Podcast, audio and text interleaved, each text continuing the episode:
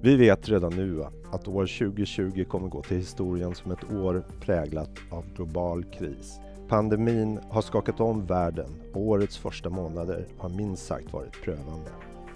Covid-19 har stängt hela nationer, vilket har lett till att vår förmåga att hantera en kris synats i sömmarna, samtidigt som ekonomin rasat. Kort sagt, samhällets hela funktionalitet har prövats. Jag heter Jens Mattsson och är generaldirektör på FOI. Den 1 juli släpper vi antologin Perspektiv på pandemin.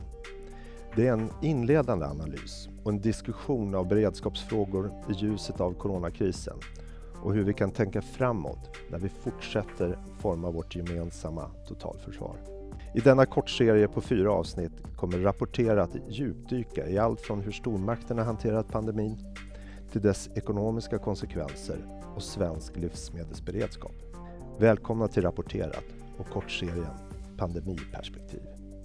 Och kom ihåg, krisen är inte över. Pandemin har på kort tid orsakat stora ekonomiska störningar i hela världen. Med oss idag för att prata mer om detta har vi FOIs forskare Per Olsson. Välkommen! Tack så mycket! Eh, berätta gärna lite om eh, dig själv, din bakgrund och vad du gör här på FOI. Jaha, oj då, vem är jag? Jo, eh, jag är smålänning. Det kommer förmodligen framgå under eh, poddens gång. Nej, eh, jag pluggade nationalekonomi i Lund eh, och då med inriktning kinesisk ekonomi men sen efter lite eh, rundvägar och omvägar så hamnade jag här på FOI eh, som försvarsekonom och eh, är nu projektledare för ett projekt som heter Försvarsekonomi och materielförsörjning.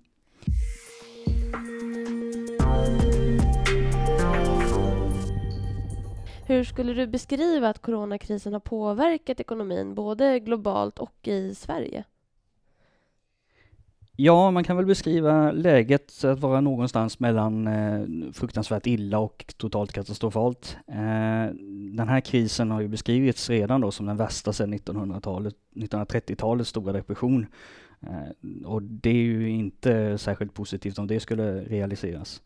Eh, man tror att världsekonomin kommer krympa med omkring 3 procent, det säger den senaste mm, prognosen från april och från IMF.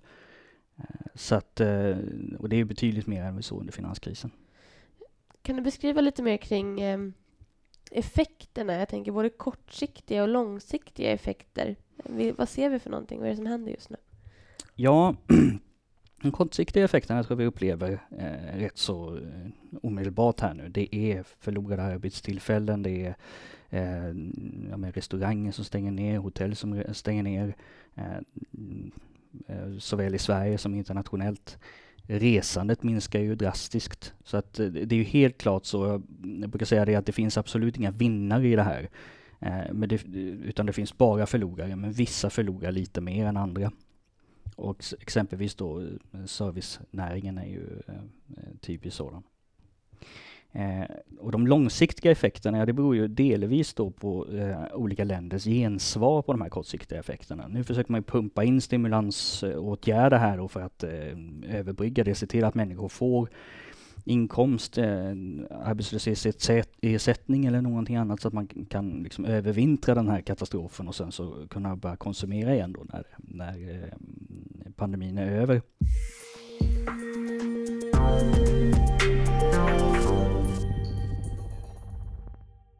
Jag tänker på det här med återhämtning. Vi var ju lite inne på det nu. Men hur, hur återhämtar man sig från något sånt här? Ja, det är helt klart inte så enkelt, för det handlar ju om att man ska övertyga människor om att det är värt att, så att säga, börja leva igen. Eh, och vissa saker är nog rätt så enkelt, alltså att mm, vi går ut igen och kanske till och med börjar gå på restaurang igen. Här i Sverige så är, har vi egentligen inte haft något stort avbrott när det kommer till det så sagt, däremot sådana här saker som att resa igen, att våga göra det. Eh, och det spelar också in här att den här, den här pandemin har ju varit stegvis, den har gått från kontinent till kontinent, det började i Asien, så kom det till Europa och nu är det ju Latinamerika och Sydasien som drabbas hårdast. Och även Afrika. Så att det kommer ta ett tag förmodligen innan det här eh, är förbi då. Sen är det ju den stora frågan när det kommer till återhämtning är ju om pandemin verkligen är över. Det är ju det egentligen, det är väl den första frågan.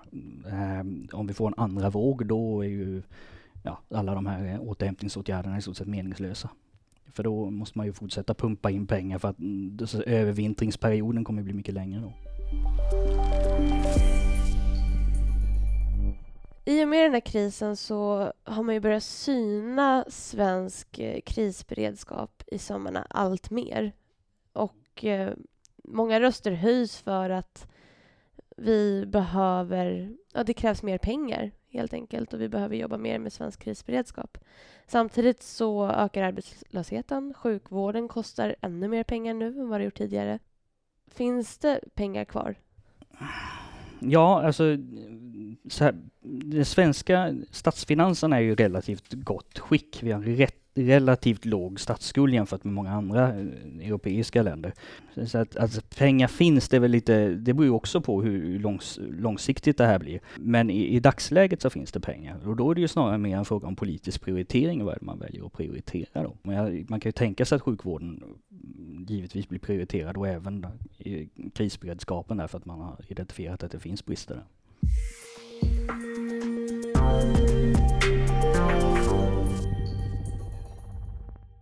Något annat som är väldigt, väldigt diskuterat just nu är ju den svenska coronastrategin som har sett väldigt annorlunda ut jämfört med många andra länders. Vi har hållit öppet i en eh, högre utsträckning. Verksamheter har inte alls stängt ner på, på samma sätt. Det gäller skolor, restauranger, butiker. Och man har diskuterat det här mycket utifrån eh, dödstal men jag är lite nyfiken på den ekonomiska aspekten. Innebär det här att Sverige kommer klara sig bättre rent ekonomiskt i krisen? Ja, jag tror inte man behöver vara ekonom för att inse att om, om man stänger ner ett samhälle helt eh, så drabbas man ju hårdare än om man bara stänger ner ett samhälle delvis.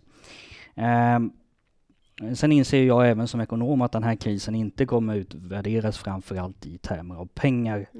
Eh, utan det, är termer av mänskligt liv och eh, hälsa.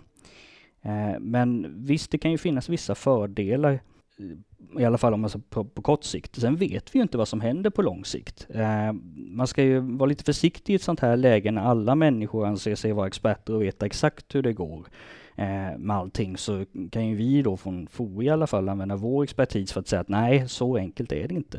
Eh, vi vi vet inte. Det, alltså, de länder som har nu lyckats få ner smittalen, en andra våg, ja då har ju mycket av deras försök varit lönlösa att stoppa smittan. Skulle å andra sidan då Sverige behöva ha stängt, alltså halvstängt mycket längre och inte kunna öppna upp som exempelvis Danmark gör här nu, ja då har ju vi inte lyckats ens i ekonomiska termer då. Så att Går inte att säga riktigt än. Nej, det är precis det är på tok för tidigt.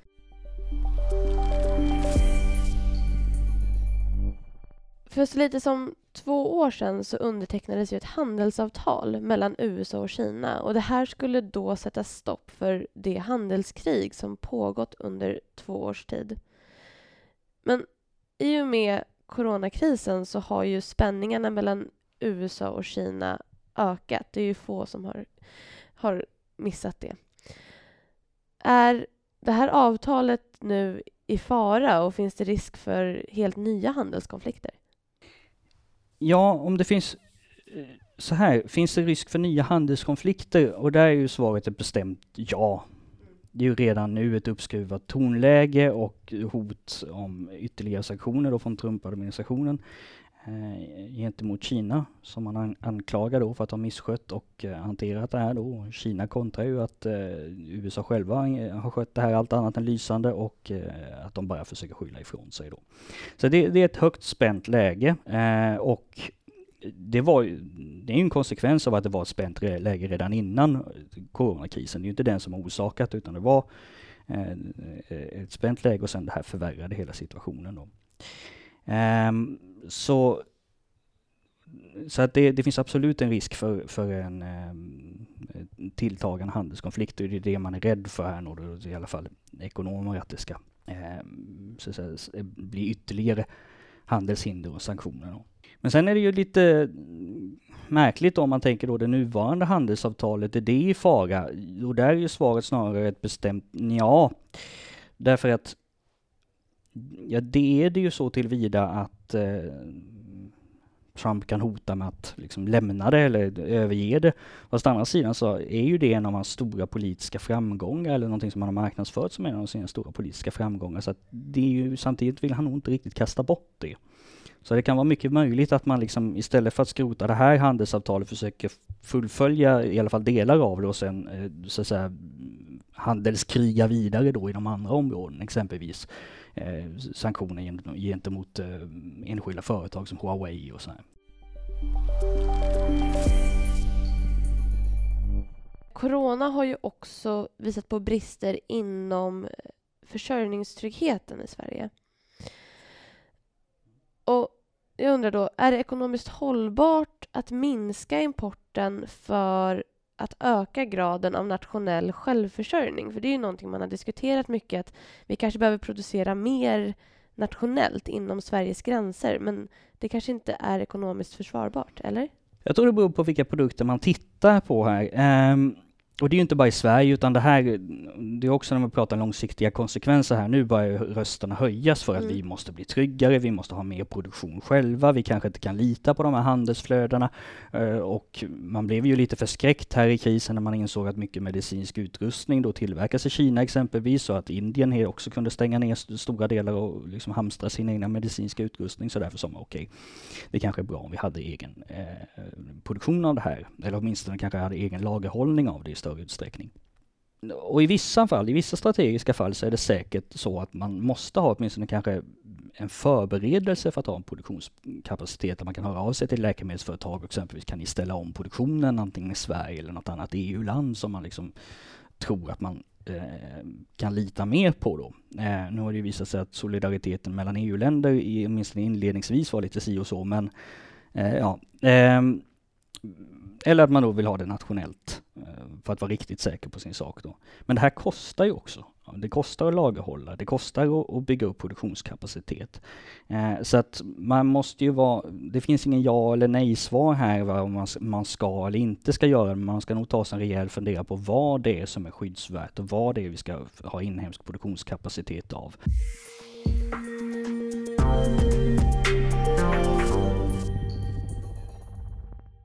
Kommer krisen med några möjligheter? Ja, det hade ju kunnat göra det. Eh, om vi hade kunnat enas kring gemensamma strategier och verkligen komma samman.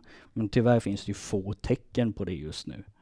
Eh, kan ju hoppas att när vi alla har nyktrat till och försökt komma över det här att eh, alla säger att vi gjorde rätt, att man funderar då på ja, men vad var vi hade kunnat göra bättre. Det gäller även de länder skulle jag säga som, som nu kan slå sig för bröstet och säga att vi har väldigt låga dödstal. Så, men vi kan alltid göra någonting bättre. Och det skulle man ju kunna hoppas att man tar med sig efter det här. Eh, sen är ju den här gången också så är man ju många länder betydligt mer kraftfulla i sina stödåtgärder eh, än man var under finanskrisen. Så förhoppningsvis så eh, blir det ingen långvarig eh, ekonomisk nedgång i alla fall. Även om det blir väldigt djup så kanske det inte behöver bli väldigt lång. Men det är som sagt återstår ju att se. Och med det så avrundar vi dagens avsnitt av Rapporterat som har handlat om ekonomin och hur den har påverkats av pandemin. Rapporten Perspektiv på pandemin släpps den 1 juli på www.foi.se och där kan man bland annat läsa Pers artikel på ämnet.